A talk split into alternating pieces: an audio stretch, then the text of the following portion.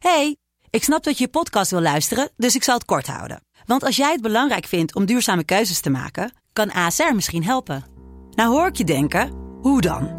Nou, bijvoorbeeld bij het duurzaam herstellen van schade. Of de premies die we beleggen volgens ons duurzaam beleggingsbeleid. Dat bepaalt waar we wel en juist niet in investeren. Wil je meer weten over welke duurzame keuzes ASR maakt? Ga dan naar asr.nl slash duurzame keuzes. ASR doet het. Zo, dan kan je nu lekker naar je podcast luisteren. Hey, ik snap dat je je podcast wil luisteren, dus ik zal het kort houden. Want als jij het belangrijk vindt om duurzame keuzes te maken, kan ASR misschien helpen. Nou hoor ik je denken, hoe dan? Nou, bijvoorbeeld bij het duurzaam herstellen van schade. Of de premies die we beleggen volgens ons duurzaam beleggingsbeleid. Dat bepaalt waar we wel en juist niet in investeren. Wil je meer weten over welke duurzame keuzes ASR maakt? Ga dan naar asr.nl slash duurzame keuzes. ASR doet het.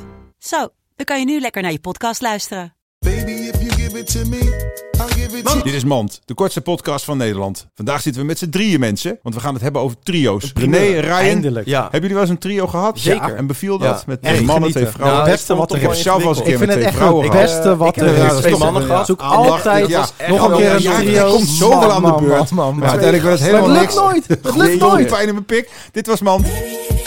Want